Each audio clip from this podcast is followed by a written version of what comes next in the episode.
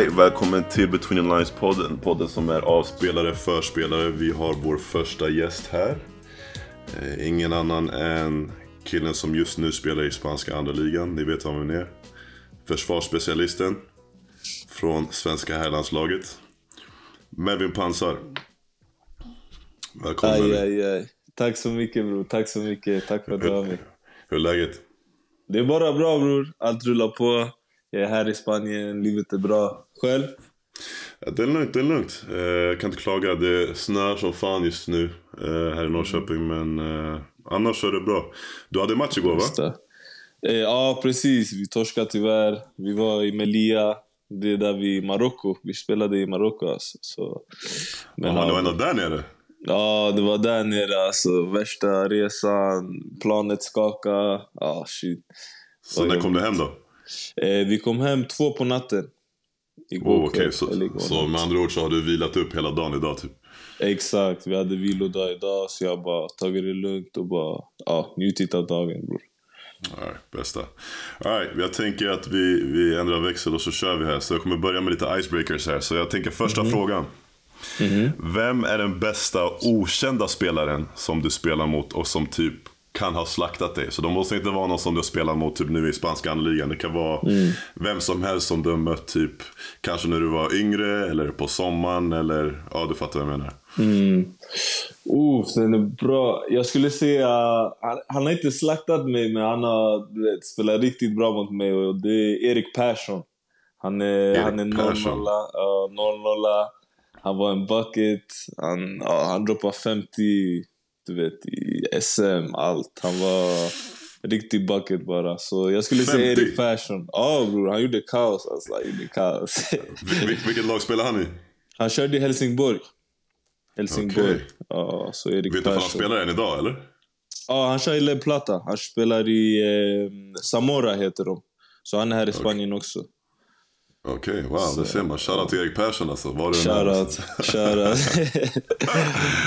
Okej, nästa fråga. Om du fick ta med dig tre saker till en öde ö, vad hade det varit? Uff, den är bra. Bror, jag hade nog tagit med min mobil. Eh, ett par hörlurar. Och eh, vad mer hade jag tagit med mig? Jag tänker jag måste ha någon kniv eller något, du vet, att försvara mig själv. Så ja, de tre grejerna hade jag tagit med. Så mobil, hörlurar och en kniv. Ja, ett vapen basically. Ett vapen. Ja, så du, du tänker att du kommer ha mottagning där ute på öde ön, eller är det du tänker? Och bluetooth och grejer? Ja? Bro, bara jag kan lyssna på min musik så I'm good. Jag laddar ner något från Spotify. Ah, Okej, alright, alright. Du ska imponera dina framtida svärföräldrar med din matlagning. Okej, så vad lagar du för någonting? Jag tror jag hade gjort fried rice alltså. Med räkor. Mm. Ja. Fried rice med Okej. räkor bror. Det tror jag faktiskt. Jag håller på. Den, den är ganska bra just nu men den kan utvecklas. Förstår du? Men, eh, Vad använder du för kryddor? för kryddor bror. Paprikakrydda, cayennepeppar, vanlig peppar, eh, vitlökssalt. Ja, bland annat. Lite till. Men ja, Okej. bror. Så Melvins fried rice, alltså det är det man ska akta sig för alltså. Den är farlig bror. Den är farlig. Alright. Uh, uppvuxen i Märsta. Berätta lite grann hur det var att växa upp i Märsta. Uff, det, var, det var bra om jag ska vara ärlig. Jag, du vet, Märsta, det är allt för mig. Det är hem, det är där jag växt upp. Liksom. Det är, Märsta är ett bra ställe. Eh, Alla mina vänner som jag hade back in the days, jag har fortfarande kontakt med dem. Det var där jag började spela basket. Så ja, Märsta betyder mycket för mig bror.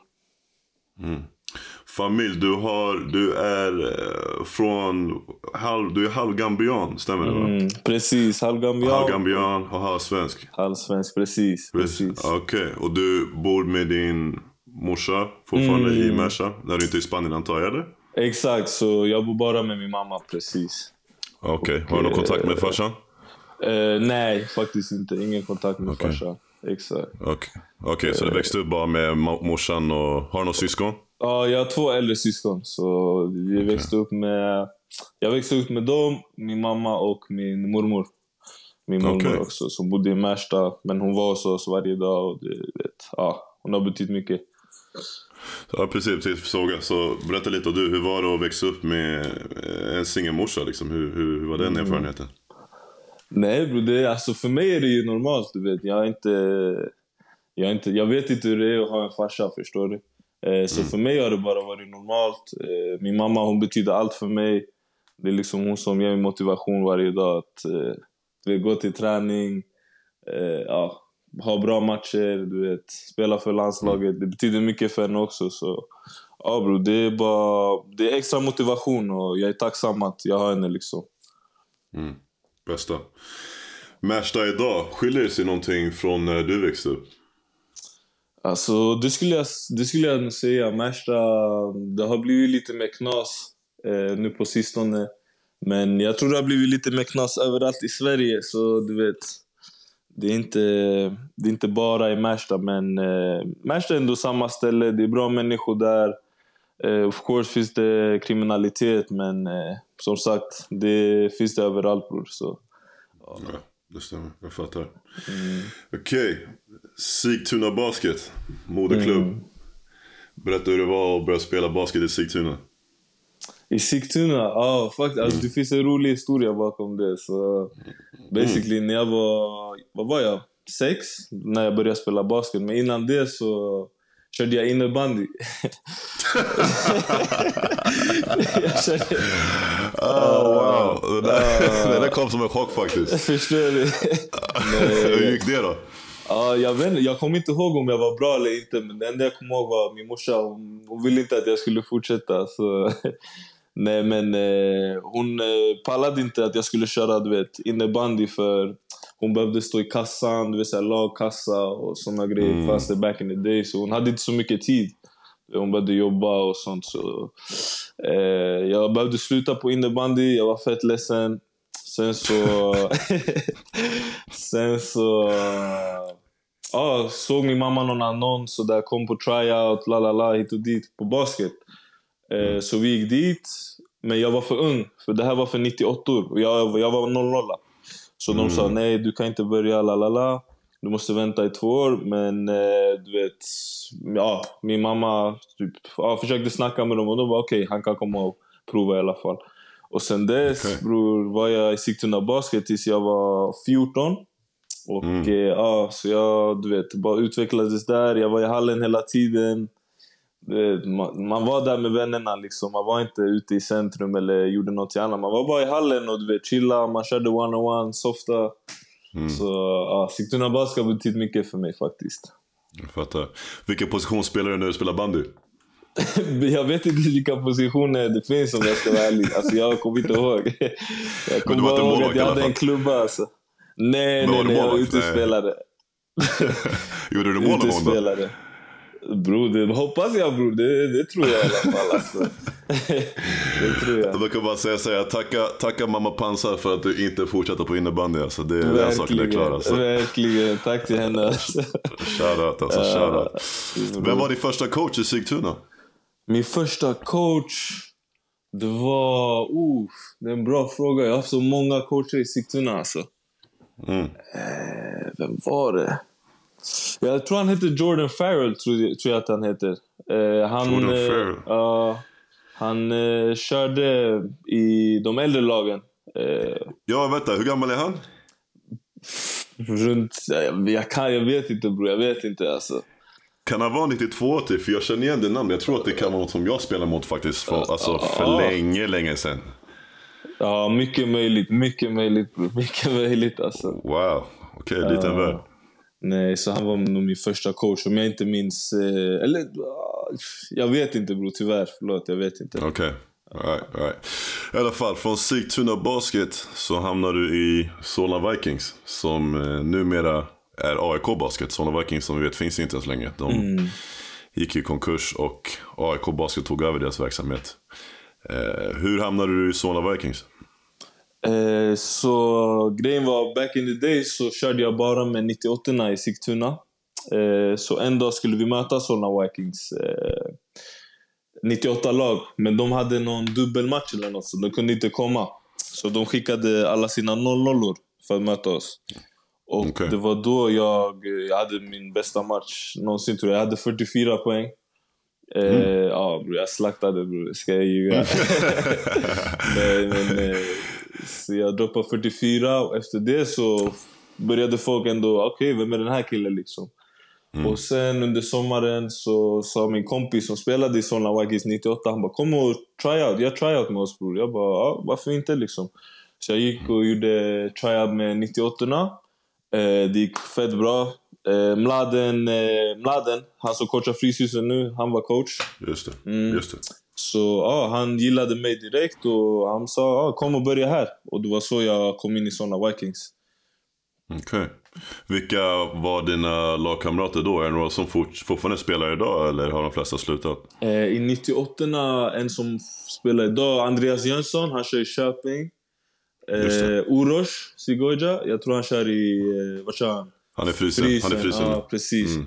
Eh, förlåt om jag glömmer någon, men eh, nej, jag kommer inte ihåg det just nu. Och de från 00 som fortfarande kör, det är Oliver Gerke, kör i Köping. Mm. Eh, ja, jag tror bara det är han alltså. Om jag inte minns fel. Okej. Förlåt om jag minns fel. Ja. Men då spelade du alltså bara med deras 98-lag eller var du uppe på att spela med här-laget då också? Nej, jag körde bara med 98 och 00 Bara. Okej, 98 Mm. Okej. Men Alright. Tim var där by the way, i herrlaget och Nathan, det kommer jag ihåg. Det kommer jag. Ja, just det. Ja, just det. Det stämmer ju faktiskt. Lite väl. Simon, Tim Kyberg och Nathan David som nu är numera mina lagkamrater här i, i Norrköping Dolphins. Precis, precis. Så från Solna Vikings så gör du ett riktigt stort kliv Mm. och hamnar i Real Madrid. Så berätta första dagen som du går in på träningen i Real med deras herrlag. Berätta om den känslan. Liksom. Hur gammal var du då förresten? Eh, när jag kom till herrlaget var jag 17. Eh, men när jag kom till 17. Madrid så, kom, så var jag ja, 16. Precis, vid 16. 16, okej så berätta, så, så två frågor. Så börjar med, så berätta om, om du kommer ihåg din första dag eh, som du landade i Real, eller din första träning så att säga.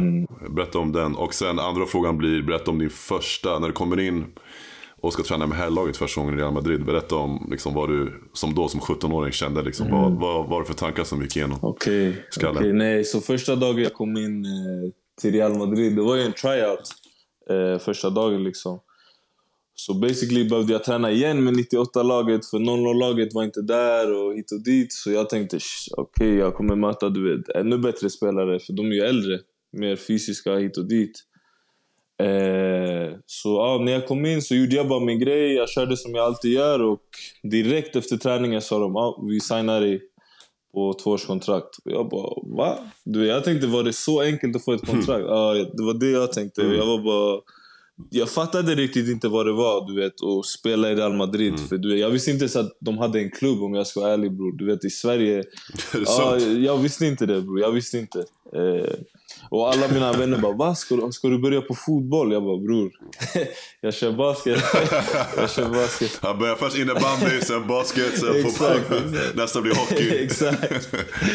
Nej, så, ja, men det var, det var den, alltså jag, jag var bara chockad att du vet, jag såg hur professionellt det var. Jag fick massa gear som jag aldrig har fått. Du vet, om man kör såna Vikings, du får en t-shirt och ett, ett par shorts, förstår du. Men jag fick massa gear och du vet, jag var bara tacksam och du vet, ja, glad. Eh, och sen så kommer jag ihåg när första dagen på säsongen började, första träningen liksom efter tryout eh, i september. Då kommer jag ihåg jag spydde första dagen för jag var så nervös. Och eh, jag spydde för att jag var så nervös. Men, och det var vet, värsta fystesterna. och, puff, Jag tror jag aldrig har varit så snabb alltså. Gjort så många reps. Så, bro. Ja, men, så var, var det typ liknande fystester som man gjorde i, här på landslagsläget? När man, eller var det någon typ skillnad? Ja, det var mer lite så här, med sprints och du vet, eh, såna här grejer. Hur snabbt kan du komma från den planhalvan till den planhalvan? Slides hit och dit. Eh, Så jag gav ju 110% plus att jag var nervös. Så efter träningen blev det sådär, ah shit, jag är död alltså. Ja. Det är det. Men hur, hur lång var det då när du var 16-17? För jag kan tänka mig att du kanske fortfarande liksom håller på att växa och såna grejer också, Mm, eller? alltså då var, var jag kanske 1,86 kanske. Och nu är jag 1,92 så ja, jag växte Mm. lite. Men eh, ja. Mm. Men var du snabb då, då på testen? Ja eller? bror, jag var snabb. Jag var snabb. det ska inte ljuga. jag var snabb. Okej, och sen herrlags, herrlagsträningen. Första herrlagsträningen. Ja, just det. Ja, om så basically, hur jag kom in i herrlaget, eh, det var så att... Obviously gjorde jag bra i ungdomslagen, men Sergio Hjul, eh, legenden, Mm. han skadade sig, eh, sin ACL. Och... Eh, Oh, Ja, korsband, exakt. Så under hans rehab, i slutet av hans rehab, så behövde de någon eh, för att liksom träna med honom, typ one-on-one, du vet, spela defense på honom, hit och dit. Eh, och jag var tydligen den perfekta du vet, eh, matchupen mot honom, för jag är bra defender och du vet, jag är typ hans height och du vet, ja. De tänkte okej, låt oss ta in Melvin och du vet, hjälpa Jul. Så jag kom in, jag började hjälpa honom sakta men säkert. Vi borde börja träna med varandra. Eh, jag spelade defense, han spelade defense på mig. Och sen basically så var coachen där hela tiden och såg hur jag spelade liksom. Eh, och efter det så tog de in mig i herrlaget. Och det var typ i januari, så jag var med dem ett halvår. Eh, och ja, första träningen bror, det- som, såklart, jag var skitnervös. Eh, vilket är normalt. Spydde du igen eller? Nej, ingen spya då. ingen spya då. Okej. Luka Doncic. Mm. Hur bra var han? bror, Luka var nice. Ska inte ljuga bror. Han var riktigt nice. Såg du det tidigt eller? Alltså, jag såg inte att han skulle vara du vet, MVP av NBA eller topp 5-spelare i NBA. Det såg jag inte. Jag tänkte bara han kommer vara riktigt bra, men man såg ändå han var, du vet, han var riktigt stabil, han var riktigt bra. Han kunde göra allt, all around. Posta, skjuta tre, stepbacks. Han kunde göra allt. Eh, men eh, som sagt, jag såg inte det här som han gör nu. Så uff, respekt alltså. Var han, var han, var han också så väldigt stor redan då som han är alltså nu? Jag vet att han har rätt på sig Mm. klart för han är i NBA och så vidare. Men alltså rent kroppsmässigt, liksom, var han ganska alltså, bitig eller större än dig om man säger så när han spelade när ni var Ja, yngre? 100 procent. Alltså, han, var, han var thick bror. Om du fattar vad jag menar. Han var thick. Alltså, Du, du förstår? Nej, alltså han var, han var stor. Han var stor. Han var inte tjock eller mullig eller så. Han var bara kraftig. Han var kraftig. Ja, Mm. Han var kraftig. Okej. Hade ni en bra relation tidigt liksom, när ni spelade i samma lag? För ni var liksom ändå i samma ålder, eller ni är i samma Ja, ålder. precis. Alltså en bra och bra. Det var liksom, vi var i samma ålder, så vi hade ju liksom samma mentality, vi hade samma skämt, vi lyssnade på samma musik. Alltså det var typ så, men inget, inget speciellt som att vi var bästa vänner. Vi var bara, bara en bra relation liksom. Har ni kontakt än idag? Eh, alltså inte värsta kontakter. Liksom. Han fyller år, skriver jag grattis. Om jag fyller år skriver han grattis. Sen när vi träffades på Okej. Hovet så snackade vi lite, men inget utöver det. Hur var det, berätta om det. Hur var det att möta honom sen på, på Hovet? Alltså, flera år senare. Berätta om den Det upplevelsen. var, det var sjukt faktiskt. Det var sjukt. Eh, det, var, det är nog en match jag kommer komma ihåg resten av mitt liv faktiskt. För det var... Jag mötte en av världens bästa spelare, vilket eh, är svårt att göra. Liksom. Eh, jag tyckte jag gjorde ett bra jobb också. Det var mycket folk. Det var Definitivt. mycket folk på, i publiken. Och, ja, nej, det var en match jag verkligen inte kommer glömma.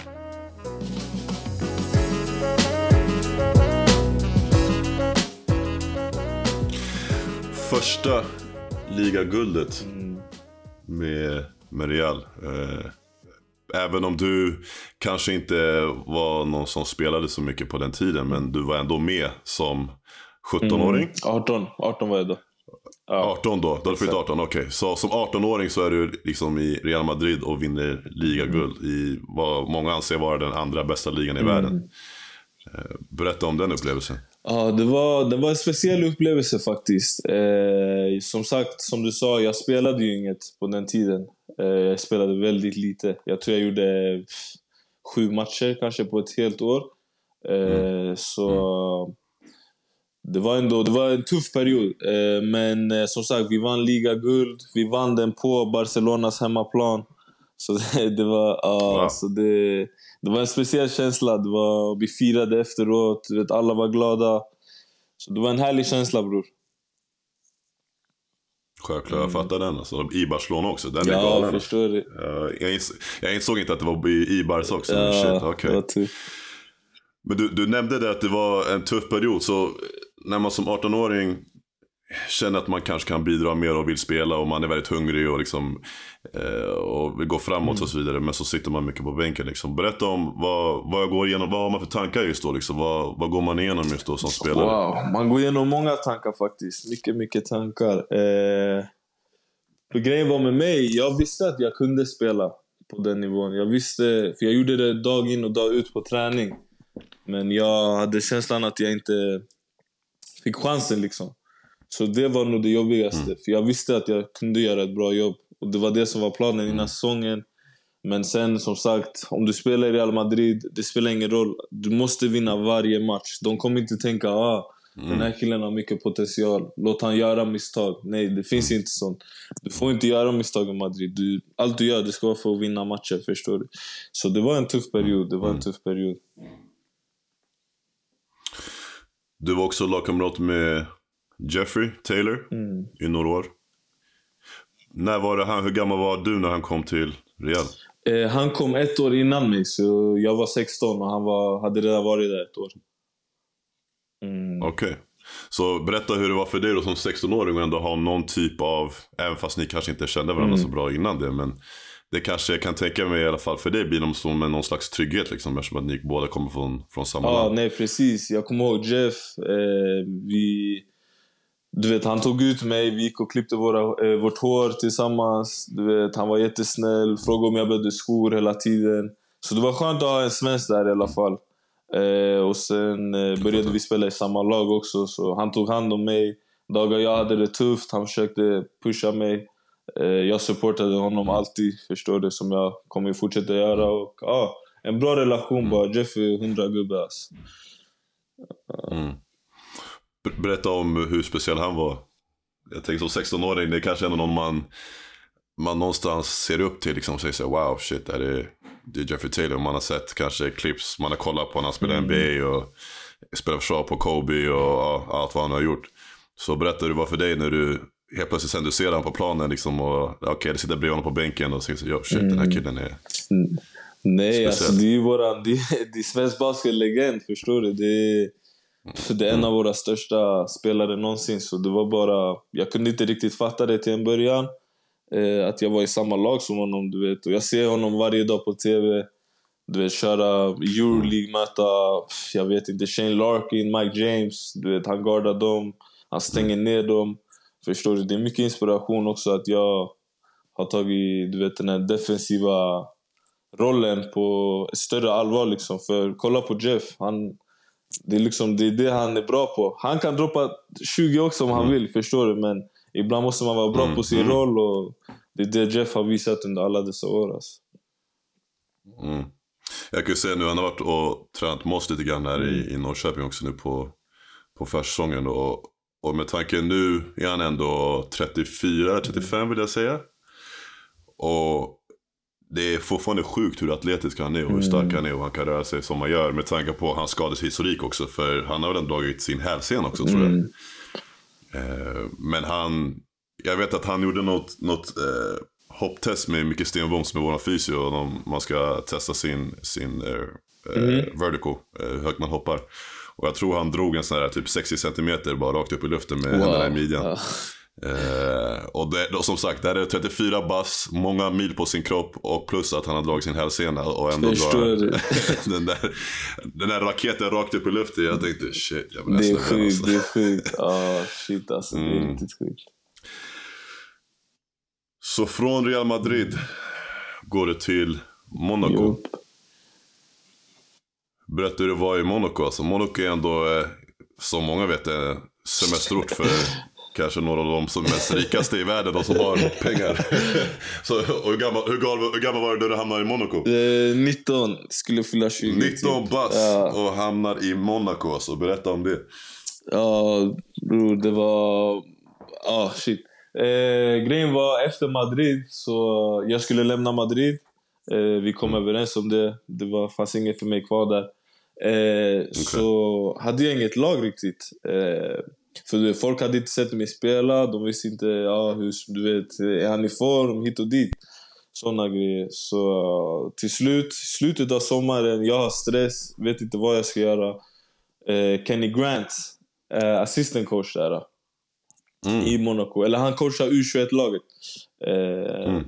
Så han, säger, han frågar mig Melvin, vad ska du göra nästa år? Jag bara, jag har inget just nu. Han bara, okej. eh, jag tror du borde komma hit till Monaco och eh, du vet, ja, du vet, träna med U21, spela med herrlaget, du vet.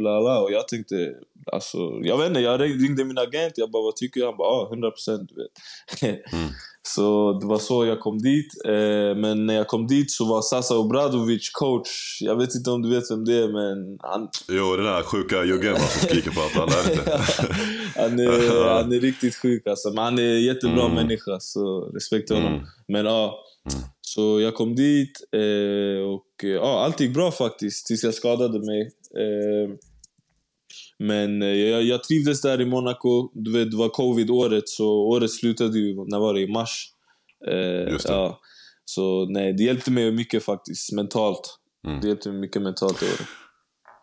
Så du, du nämnde det man, när man går och väntar på en klubb och man kanske inte får några som hör av sig och är intresserade. Så när tiden går där under sommaren och ingen hör av sig. Berätta, du sa att du känner dig stressad. Vad exakt är det man känner för stress? Liksom? Vad är det för tankar som går igenom Eh, först och främst tänker man, vad ska jag, du vet, ska jag bo hemma i år? Förstår du? Det, jag har inte bott hemma Mm. sedan jag var 16.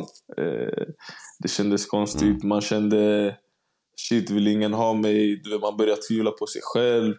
Du vet, det är normalt. Eh, så Mm. jag tänkte bara, ja, jag var liksom stressad och orolig att eh, ja, jag kanske skulle behöva du vet, återvända hem och bo hemma, vilket jag inte ville. Jag ville ändå vara i Europa eller någon annanstans och Mm. köra basket.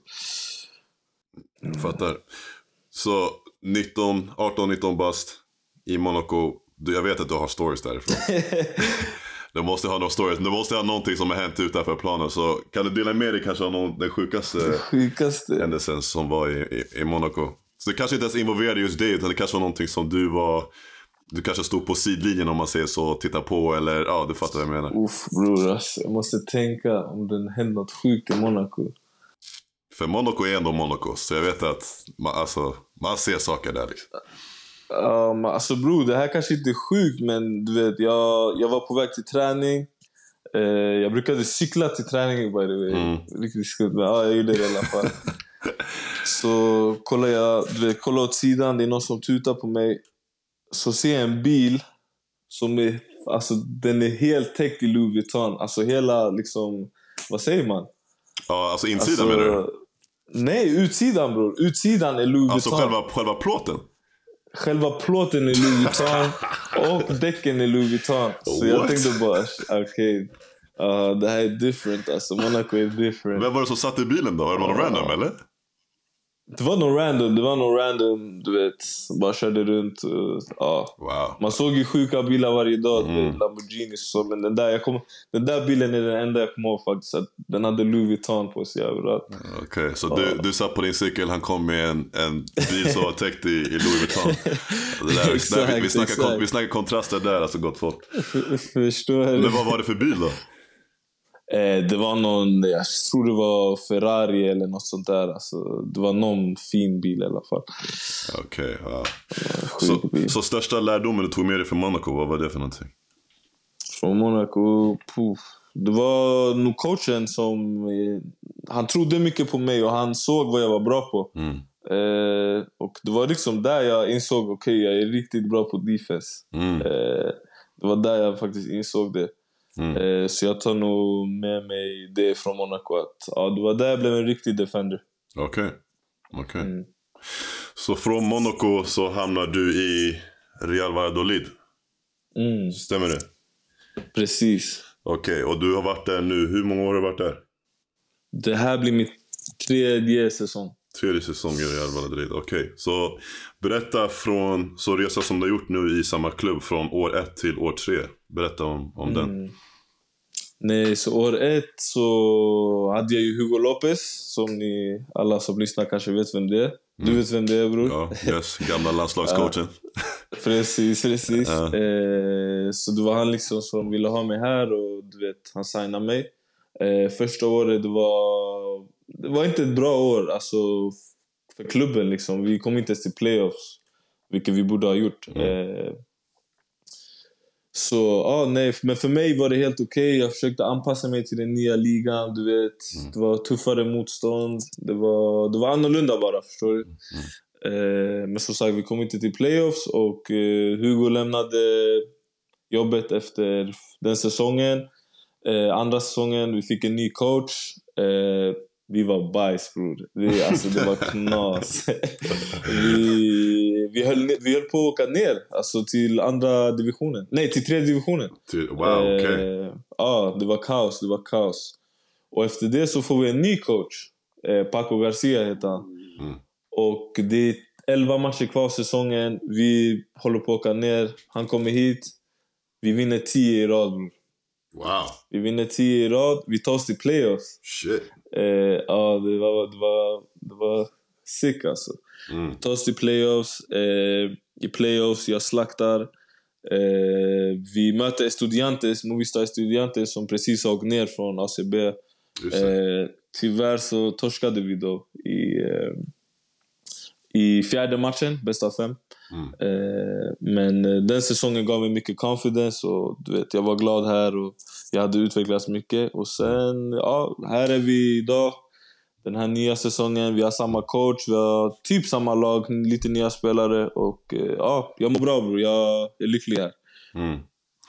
Exakt, du nämnde så från...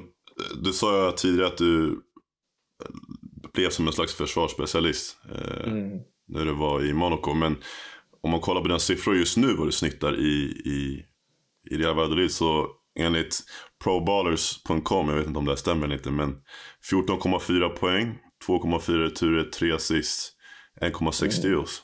Mm. Så när du hör de siffrorna, hur känns det?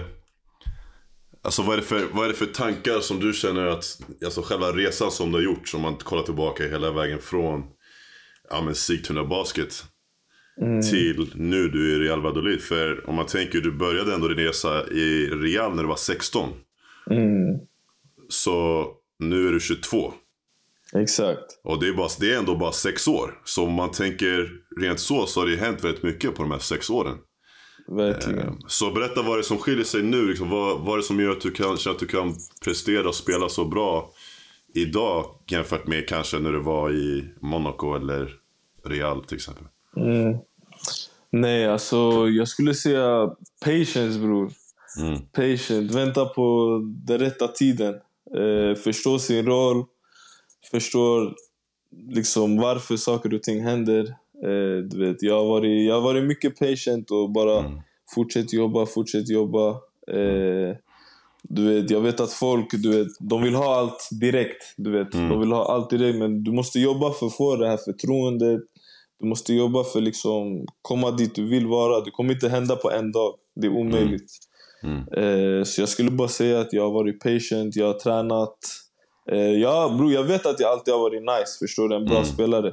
Eh, men eh, du vet, i vissa lag så finns det en bättre scorer än dig. Och då måste du göra andra grejer. Du kanske måste spela defense, du kanske måste eh, vara den som gör assist. Eh, måste leda kanske alltså från bänken, hypa från bänken. Du vet, det finns många, det är många steg bror i karriären. Det har jag lärt mig. Eh, och nu, just nu är min... Eh, ja, liksom mitt... Eh, vad ska man säga? Min uppgift att vara en scorer och skapa i offense. Eh, här är jag i Valladolid i alla fall. Så ja, bror, jag har bara väntat på min tid och rätt tidpunkt. Mm. Så när du kliver in där på din första träning i Sigtuna från att precis ha lämnat din innebandykarriär. Hade du någonsin kunnat tänka så här, okej shit om, ja men några år så kommer jag liksom vara i Real Madrid och sen i, i Monaco och spanska andra ligan och så vidare. Och så vidare. Hade det, liksom, var det ens en tanke liksom, när du spelade i Sigtuna? Nej bror, om jag ska vara ärlig. Alltså bror, som jag sa till dig, jag visste inte att det fanns lag i Europa. Så Mm. borta från liksom världen var jag. Jag visste inte att det fanns professionella klubbar och hit och dit. Det enda jag, jag älskade basket och du vet, jag tänkte ah, om jag spelar i ligan så dunder alltså. Kan man tjäna pengar i ligan, dunder. Förstår du? Det var, det var min tanke liksom. Eh, så ja, bror, jag är bara tacksam, tack till Gud att liksom, jag är här där jag är idag. Och jag får göra det jag älskar bror. Bästa. Så du nämnde till du... Hur viktigt är det som spelare att liksom kunna påverka matchen på olika sätt? För du nämnde att du, du är jättebra försvarare och det är oftast den rollen du har haft tidigare. Men nu får du ju även ta mycket ansvar på eh, andra sidan planen och skåra mycket. Hur viktigt är det som spelare att hitta sin nisch, alltså hitta sin grej där man kan påverka spelet? Även om man kanske känner att man själv kan scora men man har någon annan som gör det bättre än sig själv. Hur viktigt är det att kunna utnyttja sitt spel på andra sätt och hitta sin nisch, om du förstår vad jag menar. Nej, det är jätteviktigt. Det är jätteviktigt att veta sin roll och vad du är bra på. För du vet, alltså... Att vara en scorer, det finns många bra scorer här i världen. Alltså, det finns... Om du kollar i Europa, Mike James, Shane Larkin, alltså Mhm, yes. Jordan Lloyd, mm, Micic. mm, alltså, mm, förstår du? mm, ja. Det finns så Buckets. många bra scorers, exakt. Och kolla i landslaget, Ludde, alltså bucket, förstår du? Bucket. Exakt. Ja. Så det är så här, ska, ska alla vara en Ludde Håkansson? Det går inte bror. Det går inte. Alltså, hur kommer matchen se ut? Vi kommer Exakt, göra nej, 200 helt poäng, förstår du? Exakt. Så liksom, jag, jag har hört det här, var, alltså, var bäst i din roll. Och det är det jag försöker göra. Och jag, jag känner att jag hittar min roll ändå. Men sen, eh, om jag skulle behöva någon dag scora 20, då vet jag att jag kan göra det. Jag vet att jag Mm. kan göra det. Eh, men ja, som sagt, det är jätteviktigt att veta sin roll skulle jag säga till unga spelare. Och såklart det är nice att vara bästa scorer. Du kommer kanske få mest cred. Men det är lika viktigt att vara en bra rebounder eller en bra... Ta många steals. Alltså, förstår du? Bro? Ja. Ja, på 100 procent. Så när du går från att kanske vara, eh, liksom känns som en försvarare till att helt plötsligt ta det ansvaret i anfall. Vad, vad var, fanns det några utmaningar för dig liksom att kunna switcha mindset? För det är ändå en helt annan mindset när man kanske inte är så eh, involverad i anfallet. Och man förväntas bära just den rollen till att liksom helt plötsligt vara involverad i anfallet. Kanske den som till och med styr anfallet. Så Ja. var det några utmaningar för dig liksom att, att switcha? Ja, 100 procent. Det var, det var stora utmaningar faktiskt. För jag visste, eller jag behövde lära mig. Jag kan inte gå 100 procent i defense och 100 procent i anfall. Alltså, jag kommer bli död efter 10 minuter bro. Det går inte. Så jag behövde balansera den där. Okej, när ska jag liksom köra skithårt på defense och när ska jag liksom attackera korgen riktigt hårt på anfall. Förstår du? Så det var en balans jag behövde hitta där. Eh, men jag känner att jag har hittat den ganska bra eh, nu med tiden. liksom. Bästa, bästa. Så vad, vad är det som gör en bra försvarare enligt dig? En bra försvarare... Alltså, För du är en av, en av, just om du frågar mig idag så är väl du en av Sveriges, om man kollar på landslagsnivå så är väl du eh, kanske en av de bästa försvararna vi har på, i alla fall på, eh, av, av de som spelar på guards, eller, eller vingen. Ja. tack så Eh, mycket. så vad är, det, vad är det som är, det är klart. Vad är det som, som du känner gör en bra försvarare? Eh, för mig så skulle jag bara säga vilja. Och det låter liksom, det låter så, va? Vilja. Klyschigt. Men exakt, det låter det. Men det är verkligen vilja. Det är så här, alltså jag, min mindset är den här spelaren som jag guardar här, han ska inte göra poäng på mig. Det bryr mig inte. Alltså, han ska inte göra poäng på mig. Förstår du? Det är nummer ett. Eh, sen of course, du måste ju vara snabb eh, i sidled. Du måste vara stark så att du kan hålla emot i post. Eh, Sådana grejer. Men eh, ja, jag skulle säga vilja och bara ja, kämpa, kämpa, kämpa. Så nu har det ju varit några år i Europa. Hade du aldrig någon tanke på att kanske sticka till andra sidan Atlanten och spela på college? Jag fick faktiskt några, efter mitt eh, första år i, eller efter mitt andra år i Madrid så fick jag eh, några offers eh, från USA. Okej. Jag fick från San Kommer du Francisco. skolor det var eller? Ja, San Francisco fick jag från. Och eh, Okej. Texas Tech fick jag också från. Eh, Så det var ändå nice skolor. Men eh, du vet, Madrid offer mig ett första alltså första, vad säger man, first team contract. Så Mm. jag kunde inte säga nej till det bror. Det är omöjligt. Och jag hade, aldrig, jag hade inte gjort det igen om jag... Eller jag hade accepterat det kontraktet igen om jag kunde liksom. Jag fattar. Ja. Jag fattar. Ja, och saker och ting gick ju bra för dig ändå. Så det är väl inga konstigheter egentligen. nej.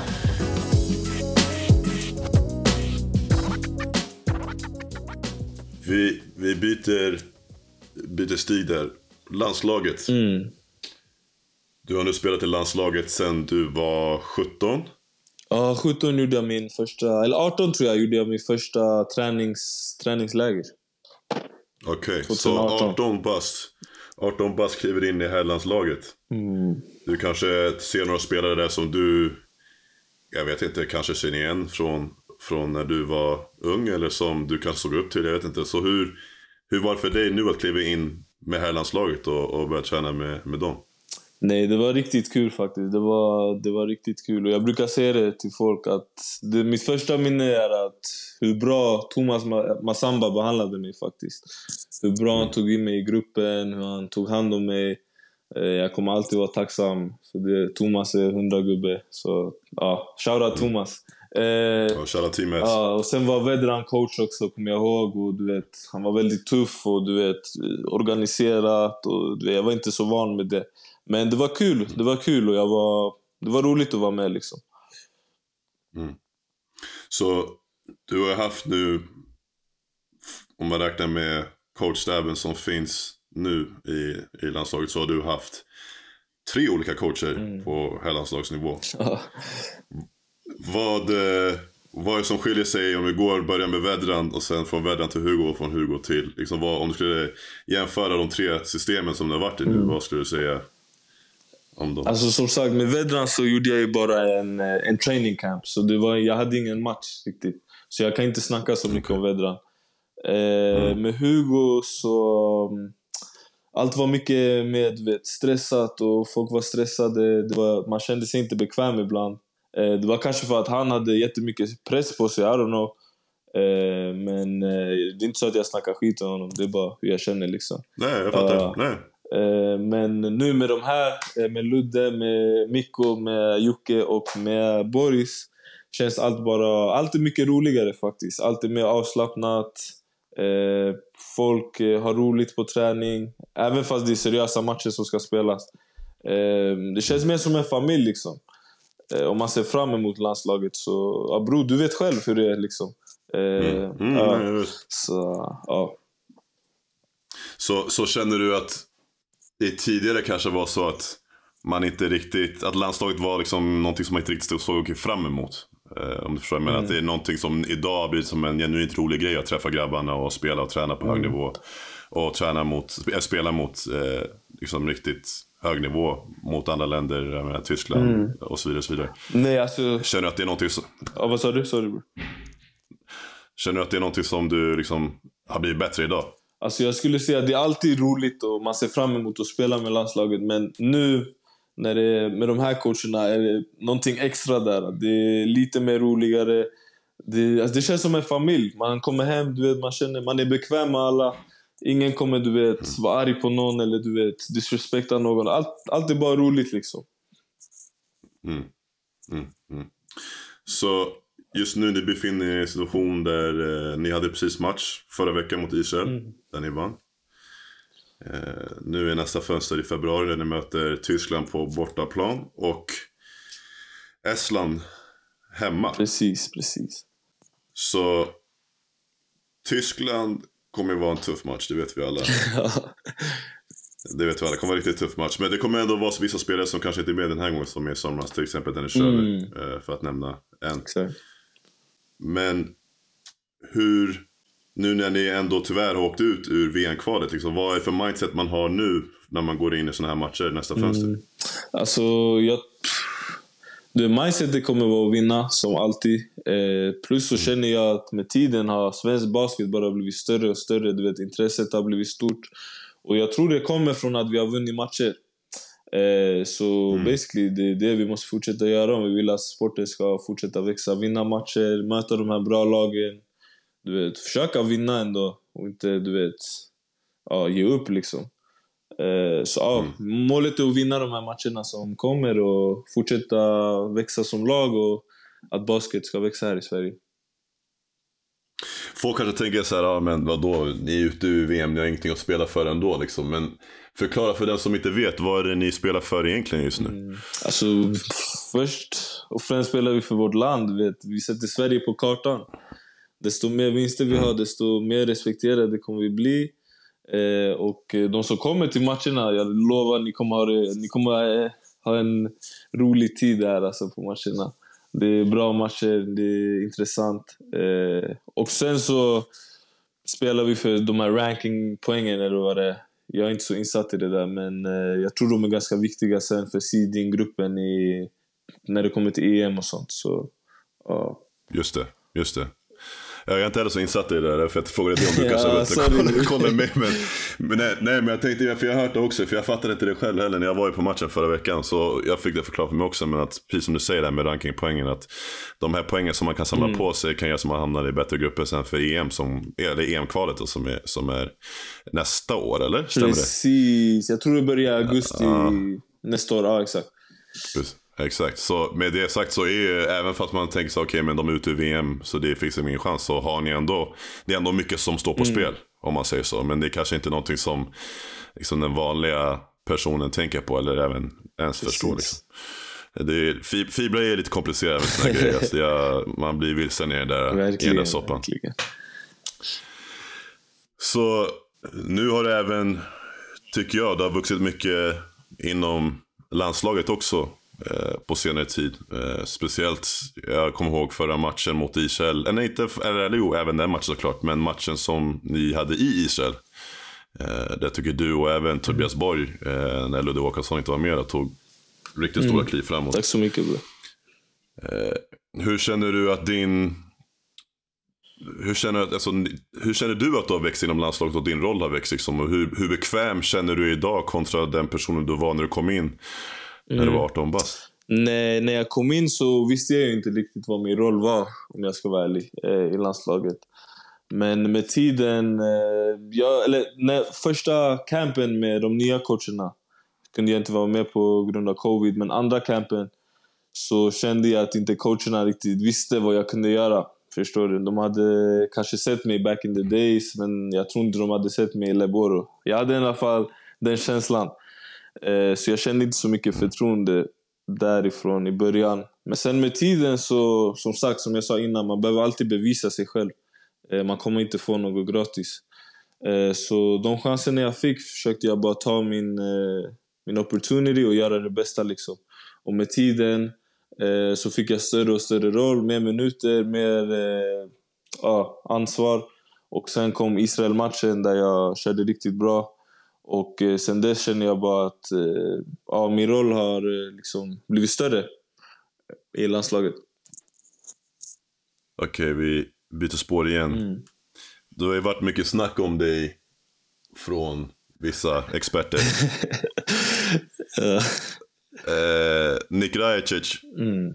sa ju i en av sina avsnitt på Bänkvärmarna eh, att du kanske inte riktigt förtjänade att vara med i landslaget och att du har glidit in lite grann på ett bananskal.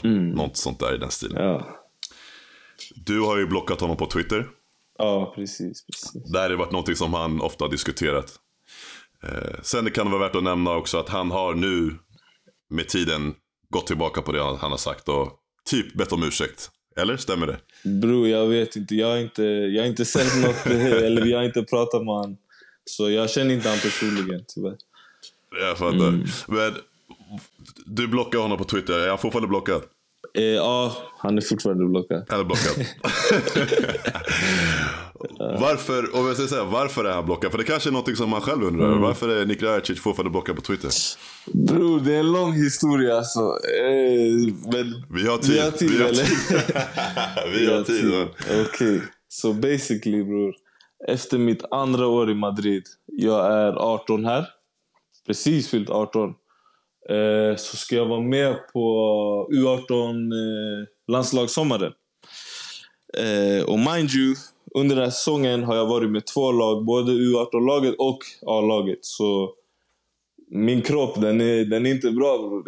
den, jag har ont. Du är trött Jag är liksom. trött, jag har ont. Mm, du är trött, du har ont. Förstår du? Normalt exakt. som alla är. Mm. Eh, och eh, U18 ringer mig och liksom frågar om jag ska vara med. Och jag säger absolut, jag kan vara med på NM. Så vi åker till NM. Jag tror vi vinner hela skiten. Efter NM så känner jag det här är inte bra bror. För jag går på piller här. Jag går på antiinflammatoriska piller. Okej, jag har gjort det sen kanske... Wow. Ja, Och du är alltså 18 jag bast? är 18 bror. Jag är 18 och bast. käkar antiinflammatoriska? Exakt. Ja, det är Wow, sant. okej. Eh, Det är knas. Tyvärr är det så bror. Så jag har ätit antiinflammatoriska kanske i tre månader.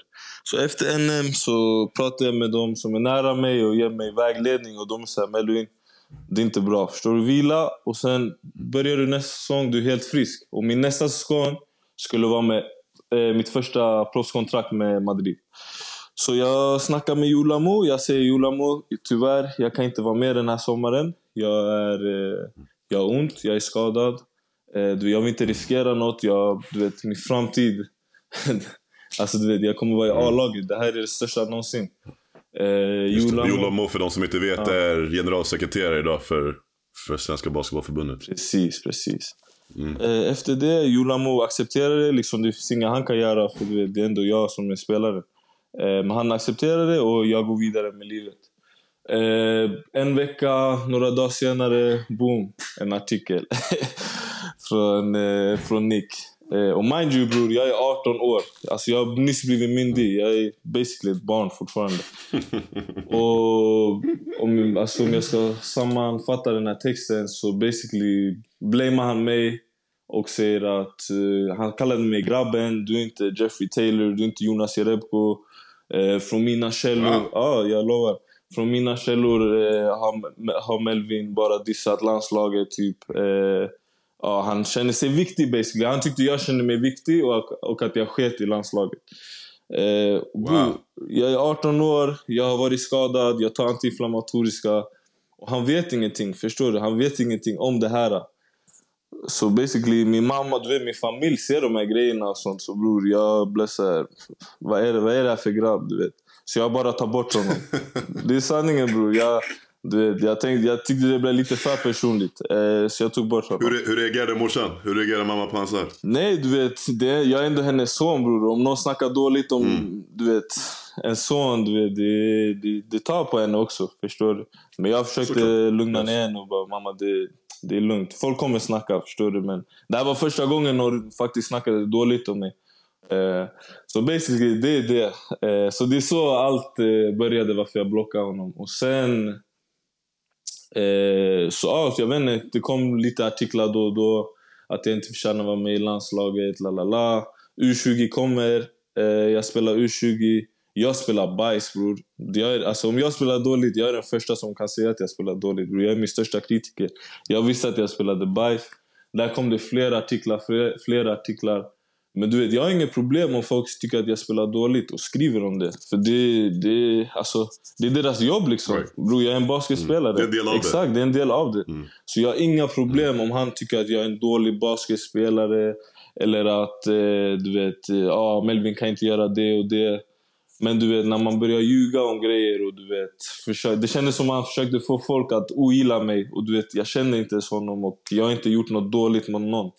Eh, så det var liksom därför jag eh, blockade honom. Och, eh, men jag vill också säga, jag har, inga, alltså jag har inget personligt mot honom. Jag har sett honom på TikTok, han gör bra videos. Jag har sett honom på SVT, han gör fett bra jobb. Eh, han eh, liksom hjälper svensk basket att växa, så all respekt till honom. Men jag tyckte bara att det där, det var fel gjort av honom. Förstår du? Mm, mm. Ja, definitivt, jag tycker... För det första, jag tycker jag är sjukt. Jag tror inte det är så många som vet om att du redan vid 18 års ålder liksom poppar massa antiinflammatoriska piller. Liksom. För det, det är något som man hör oftast med spelare som kanske är på slutet av sin karriär. Mm. Och här är ändå du 18 bast och liksom håller på att ta massa godis liksom, bara för att kunna ta sig igenom dagen. Liksom, det är inte riktigt optimalt. Eh, men Precis. sen anledningen till varför jag frågar också, för jag tycker det är viktigt att ta upp, för att nu nämner ju du, du det också, att det här var ingenting som han visste om.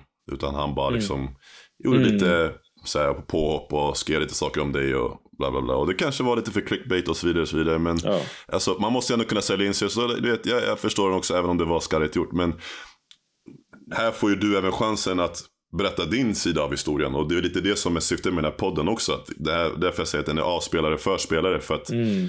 liksom, vi ska kunna få en plattform. För den finns inte här i, i Sverige på samma sätt. Där vi spelare kan berätta liksom, hur det verkligen är. Mm. Från en spelares perspektiv. På planen, utanför planen. Vad man kanske går igenom personligt. Precis. Eh, och det var precis det du delade med dig. Liksom, att du kommer hem, du har haft liksom, en lång säsong. Kroppen är knas, du har ont Mm. överallt. Du tar antiinflammatoriska. Du känner, äh, vet vad, jag, jag måste softa lite. Och jag tror att allt för Exakt. ofta så kan det bli den här moden av att man, liksom, okej, men när man börjar tänka på sig själv så är man plötsligt självisk. Liksom. Och i den här Mm. branschen, i den här branschen, ska jag ärlig, man måste vara självisk ibland. Liksom, för att, let's face it, jag menar i klubbar, du vet själv. Jag menar, det kan vara så att de börjar snacka om lojalitet och så vidare, så vidare men liksom, samma dag som du skadar dig kanske de skickar hem det. Liksom. Exakt. Nej, 100 procent. Och det, det är den nakna sanningen. Liksom. Och det, är inte, det är inte alla som förstår. Liksom. Så det, det är samma, samma människor som snackar om liksom, ja, men man ska representera eller man ska ställa upp eller man ska hit och dit. Men du kanske har någonting personligt som du går igenom just då.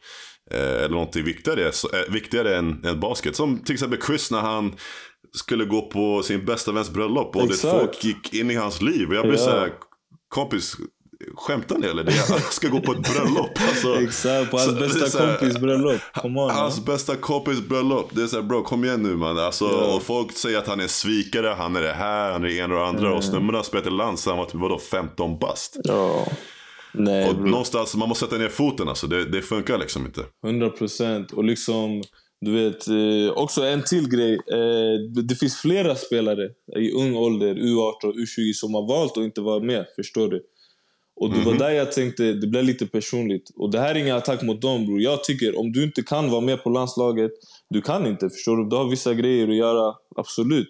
Typ eh, Pelle, han var inte med, jag tror det var U20, Pelle Larsson. Du vet, och det. det. spel, det är ingen fara. Pelle behöver inte Exakt. vara med. Men förstår du? Om du ska kritisera en, du måste kritisera alla i sådana fall. Eller inte kritisera någon. Eh, William Exakt. Berg var inte med. William Berg, bror vi tränade med han i sommar. Det är våran grabb, förstår du? Det är Ja, inte så att jag visst. snackar skit om det. Jag säger bara, om du ska kritisera en, då måste du kritisera alla eller vara bara tyst. Förstår du? Bror? Ja. Varför just Var- mig? Och det var därför Mm. jag kände det blev lite personligt. Och därför, I don't, I don't fuck with him bror. Förstår du? Mm, mm, det är det. Och med, det sagt också som du nämnde innan. Alltså, all respekt till Nick. Ja, han, han, gör, han gör sin grej och alltså, låt vara ärliga, han är viktig för svensk basket. För som du nämnde tidigare, han är någon som faktiskt ja, men täcker vår sport liksom och pratar Mm. om det på sociala medier och så vidare. Och så vidare. Men om, helt ärligt, låt oss vara ärliga. Alltså, han, om det inte vore för honom så men det finns inte så många andra som gör det. Alltså, han har någonstans monopol på svensk basket ur ett medieperspektiv. Liksom. Eh, och det han gör med grabbarna på bänkvärmarna, liksom, Ja. det, det är underhållande. Men det, det är också viktigt. För jag menar, låt oss vara ärliga, vi får inte artiklar i Aftonbladet och, och Expressen och SVT och allt vad det är. Liksom. Det, det, det är så det är. Liksom. Eh, så med det sagt, shoutout till honom. Eh, Shoutout. även, om, även om vissa grejer han gör kan vara lite för mycket troll och clickbait och så vidare. Och så vidare men, men det måste ändå genom hans, hans, eh, hans kärlek alltså. 100 procent. All respekt. All respekt. Okej, vi, vi byter ämne igen. Livet utanför planen. Vad, när man som, folk kanske inte vet, så när man som basketspelare eh, på proffsnivå så har man mycket strötid.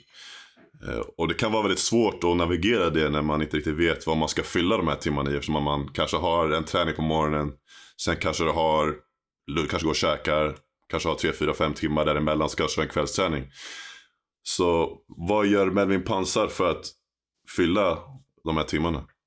Mm. Bror, om jag ska vara helt ärlig, jag gillar bara att softa. Så efter träningen, bror, jag går hem. Eh, jag tar en siesta alltid. Du vet, sover Helt ändå. Jag brukar bror sova två timmar om jag ska vara ärlig. Försöka i alla fall. Två Efter timmar? Ja. Boy. Nej, om jag hade sovit två timmar, jag hade vaknat upp och varit helt grogg. Alltså, jag, hade inte fattat, jag hade inte fattat någonting. Jag hade fattat vart jag var. Alltså, jag ska inte ljuga. Ah, shit, det ja, här fortsätt. ja, nej, så jag sover två timmar. Eh, jag vaknar. Jag gillar att spela. Jag kör Playstation, jag kör 2K, jag kör Fifa. Eh, Det är mina go-tos. Och sen, jag snackar mycket på Facetime faktiskt. Med familj, med vänner. Du vet, jag tar det lugnt bara. Om jag har tid så försöker jag läsa någon bok. Eh, men det händer inte så ofta om jag ska vara ärlig. Men jag försöker i alla fall. Så bror, dagarna de går ändå ganska snabbt. Jag fattar. Känner du någonstans eh, ibland att det kanske blir lite så tufft mentalt att man känner att man Alltså man gör liksom ingenting, man bara sitter och typ kollar på väggarna. Jag vet inte, du kanske aldrig haft en sån upplevelse men jag vet att vissa andra, jag har gått igenom det ibland, man sitter där och man bara stirrar på väggen. Kan du känna att det kan vara så ibland eller? Nej, faktiskt inte bror. Jag, jag har inte haft den känslan alltså. Jag, Okej. jag gillar bara att softa. Men hur, hur känns det för dig? Men, Nej men alltså jag kan bara tänka sig, alltså för mig ibland kan det vara så här att man har tider man känner sig, okej man hamnar liksom man bara fastnar på YouTube i något kaninhål och kollar massa videos eller eh, man sitter och spelar och så liksom har tiden gått och man känner sig shit vad fan jag har inte gjort någonting, jag har inte varit produktiv alls. Liksom. Jag vet, det kanske är bara jag som är som, jag känner ibland att jag måste Ja. liksom, alltid göra någonting. Liksom. Och det kanske också Mm. är någonting som man själv måste träna på. Men jag vet att även många andra känner sig att de liksom bara sitter hemma och liksom segar liksom, mellan träningarna och, liksom, och inte har någonting för sig. Även när de har ledig tid. Eh, Men det ju- det finns ju också en, man måste ju kunna balansera det där också. Liksom, där, där man faktiskt behöver vila kroppen och inte göra någonting. När man kanske haft ja, men, två matcher på fyra dagar eller tre dagar eller vad det nu är. Precis. tuff träningsvecka och så vidare. Så, vidare. så det, det, är en, Ja. det är en hårfin balans det där. Ja, verkligen. Nej, man måste bara balansera det. Mm. Ja. Din game day-rutin. Vad har du för rutiner på din game day? Min game day-rutin. Eh, så jag vaknar. Eh, jag äter aldrig frukost, by the way. Jag äter bara What? frukost när jag är med... Bror. Jag äter aldrig frukost. tava, tava, tava, tava. Du äter aldrig frukost. Jag äter aldrig frukost, bror. Eh, eller jag, jag äter bara frukost när jag är med landslaget, för då är det värsta hotellfrukosten.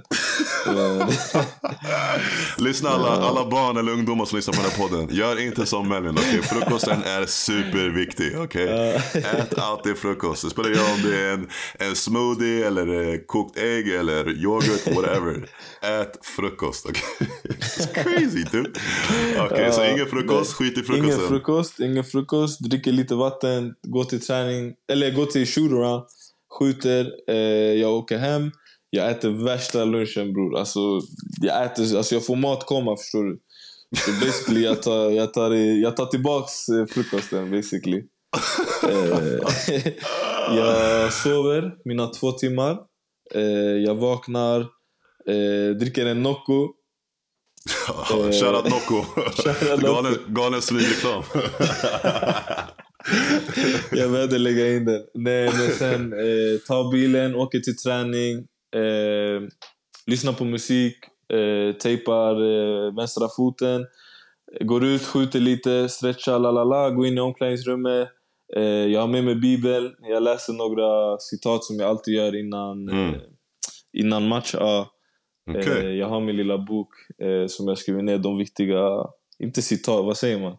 Alltså, Ja, men verser typ. Ja, ver- exakt. Verser. De viktiga Okej. verserna. Eh, Är det någon som du snabbt. har som du vill dela med till, till podden kanske? Sa- Psaltaren 69. Det skulle jag säga. Yes, Satan yes. 69. Det är min go-to. Men du kan den Eh, inte utan till eller? Nej, inte utan till bror. Okej. Jag vill inte 69. säga fel här eller. förstår Nej, jag fattar. Men, Jag ja, fattar. Respekt. eh, men det är min go-to. Eh, och sen så kör jag bara bror. Ber innan matchen, innan eh, tip-off och sen kör vi bara. Okej. Yes. Har du någon eh, speciell artist som du, eller musik som du lyssnar på? Eh, på, på Game Day? På gay, bror jag dör för Drelo bror, jag ska ljuga. Men han har göra musik. Mm, men just det. Eh, jag, hans eh, Soundgate, bror jag använder Soundcloud alltså. Du kör Hans, Soundcloud? Okej. För han, wow. han, han har tagit bort alla album du vet på Spotify. Ja, så, just det. Det stämmer faktiskt. Fan. uh, nej, så Drelo det är min go-to. Det är min go-to. Okej. alright. Mm. Så när du, när du käkar den här lunchen som du snackar om. Jag, jag, för det första kan jag tänka mig att du är fett hungrig. Jag hade ju varit helt äh, svinfärdig. Men vad, vad, vad käkar du för någonting? Käkar du typ samma sak varje game day eller brukar du switcha? Ja, nej, samma sak, samma sak. Eh, så det är pasta och eh, kyckling, det vanliga. Med tomatsås, lite grädde, lite crème fraîche. Sen kör vi bror. Broccoli Ja, också och- by the way, den är viktig. Ja, Okej. Slakta. Känner du, känner du någonsin att du kan få lite så här fjärilar i magen innan matcher? Att du känner lite nervös eller lite så här spänd eller? Oh, alltså innan bror, innan den här säsongen så... Alltså jag har varit så nervös. Jag var så nervös innan varje match. Eh, du vet, det var, det var ett problem. Jag tror alla är det faktiskt. Alltså, mm. Men om jag ska vara ärlig, den här säsongen så... Jag vet inte, jag, jag är inte lika nervös. Eh, och jag känner bara en tacksamhet att jag är frisk och kan spela basket. Och när man tänker så, så blir livet mycket enklare. Alltså, jag är bara mer tacksam och jag tycker, du jag tycker basket är kul. Det känns som jag verkligen har börjat älska den här sporten. Jag trodde jag älskade sporten innan men den här säsongen, det är någonting different bror. Du nämnde att du, du tejpade din vänstra fot. Varför bara vänstra foten? Ja, nej, det är för att jag, jag stukade den. Jag har stukat den några gånger så det är därför. Det är inget Okej. speciellt. Ja. Så det är bara någon vanlig grej då, att du är van att spela med en, en tejpad fot bara? Typ. Precis, precis. Okej. Vänster. Ja. Ah, Okej, intressant. All right, vi går några fler eh, snabba, snabba frågor. Yes. Så du, du plus fyra till av dina lagkamrater. Det kan vara från när du spelar i Sigtuna Basket, Real, Monaco, var som helst. Eh, Bara lagkamrater som du ska köra pickup i, i Sats Ursvik. Vilka tar du? Sats Ursvik. Okej. Shoutout Sats Ursvik by the way. Exakt, shoutout. En till, shoutout. en till, smyg, en till smygreklam, jag skiter. Kör. Okej, så jag hade nog tagit D-Bast. Hade jag tagit. Som, Okej. eh, han körde i Monaco. Eh, sen hade jag tagit... Mm, Det kan vara landslaget också by the way. Det, det alltså, landslaget också. Ja, exakt, Ja, vad som. Nej, jag måste lägga in Tobbe Borg. För han är Tobbe. äcklig. Alltså, han är, Okej, jag brukar säga Tobbe. att han, är äcklig spelare. Ja, Alltså. King, King Toby alltså. Min broder. Ja. Sen hade jag nog lagt in Trey Tompkins. Bro, han har bästa post-up game jag någonsin har sett. Alltså, Trey Tompkins. Okej. Och eh, sista hade jag nog tagit Eddie Tavares. Eddie Måste jag lägga, Tavares. ja, måste jag lägga Okej. in. Ingen Luka? Bro, Luka är, han kommer vara the GOAT, förstår du? Det är inte roligt om jag har med honom. Det är inte roligt. Bro, ey, ey, bro, fuck it. Du, ey. du försöker vinna antar jag. Du, du försöker vara på planen så länge som möjligt. Jag kommer ta de fyra bästa. Jag skiter i det. I'm trying to win. Jag försöker vinna bro. Okej, alright. Ja. Det, det är upp till dig. Det är du som är GM. Ja, exakt. Okej, så en random artist som du diggar men som man kan, alltså verkligen inte kan tänka sig. Okej, shit, lyssnar du på hen? Vem är det? Wow. wow. Det kan vara typ såhär, shit, ja, okej, men Melvin lyssnar på, shit, jag dör för Britney Spears. Alltså, förstår du? Sån här. alltså, Mm. vad som helst. Det där är svårt bror alltså. Men jag skäms inte. Jag vet att du har någon som du inte kanske vill dela med dig här. Alltså. Jag vet att du har någon. Nej bror, Säg- jag vet inte. Alltså. Säg, säg, säg bara Christina Aguilera eller någonting. Jag vet att det är den som närmar. Nej bror, lägg, lägg, lägg. Eh, säg Myra Granberg bror, Myra Granberg. M- Mira Granberg. Ja, Vem, vem är det? Nu, du vet inte vem det är. Fan. bror hon är riktigt bra faktiskt. Hon har typ två bra Eller vad är det för genre? Vad är det pop eller? Det är svenskt, ja. Jag skulle nog säga det är pop. Ja. Mira Granberg, okej då måste jag fan kika på oss efter, efter podden alltså. Nej. Okej, alright. Alright, sista frågan. Säg en gäst som du hade velat se i Between the Lines. Mm, en gäst, en intressant gäst. Behöver det vara en, eh, alltså en atlet eller kan det vara vad som? Jag tänker, alltså det här, det här podden just nu i alla fall kommer ju vara eh, Mm, spelare. Eh, Okej. Så jag kanske, jag kanske expanderar i framtiden, men just nu så eh, tänker jag spelare. Spelare. Oh, jag skulle säga... Man, man eller kvinna såklart. Ja, ja. Okej, man eller... Jag hade sagt Amanda Zaoui eller Mm. Bara Njai. Mm. Mm. De, Mm, Jag ja. vet att de båda har roliga historier, det vet jag. Ja, ja, nej, 100 procent. Ja, Ja. ja, det kanske, det kanske vi får kika på i Mhm. framtiden. Alltså. Mhm. Melvin, tack så mycket för att du var med. Min broder, tack så mycket för att, du, för att jag fick vara med. Ja, det här är alltså pilot, pilotavsnittet, så vi får se hur saker och ting utvecklar sig. Men om Ja. det blir så att det här blow up blir något stort så kan du säga att du var den första som var med i alla fall. 100 procent bror, 100 Ja, procent. ja. Tack så mycket. Tack. Kärlek mannen, jag ska önska dig en hälsosam säsong. Och eh, att du fortsätter göra dina grejer mannen i, i Real och eh, Real Valladolid och även i, på landslaget.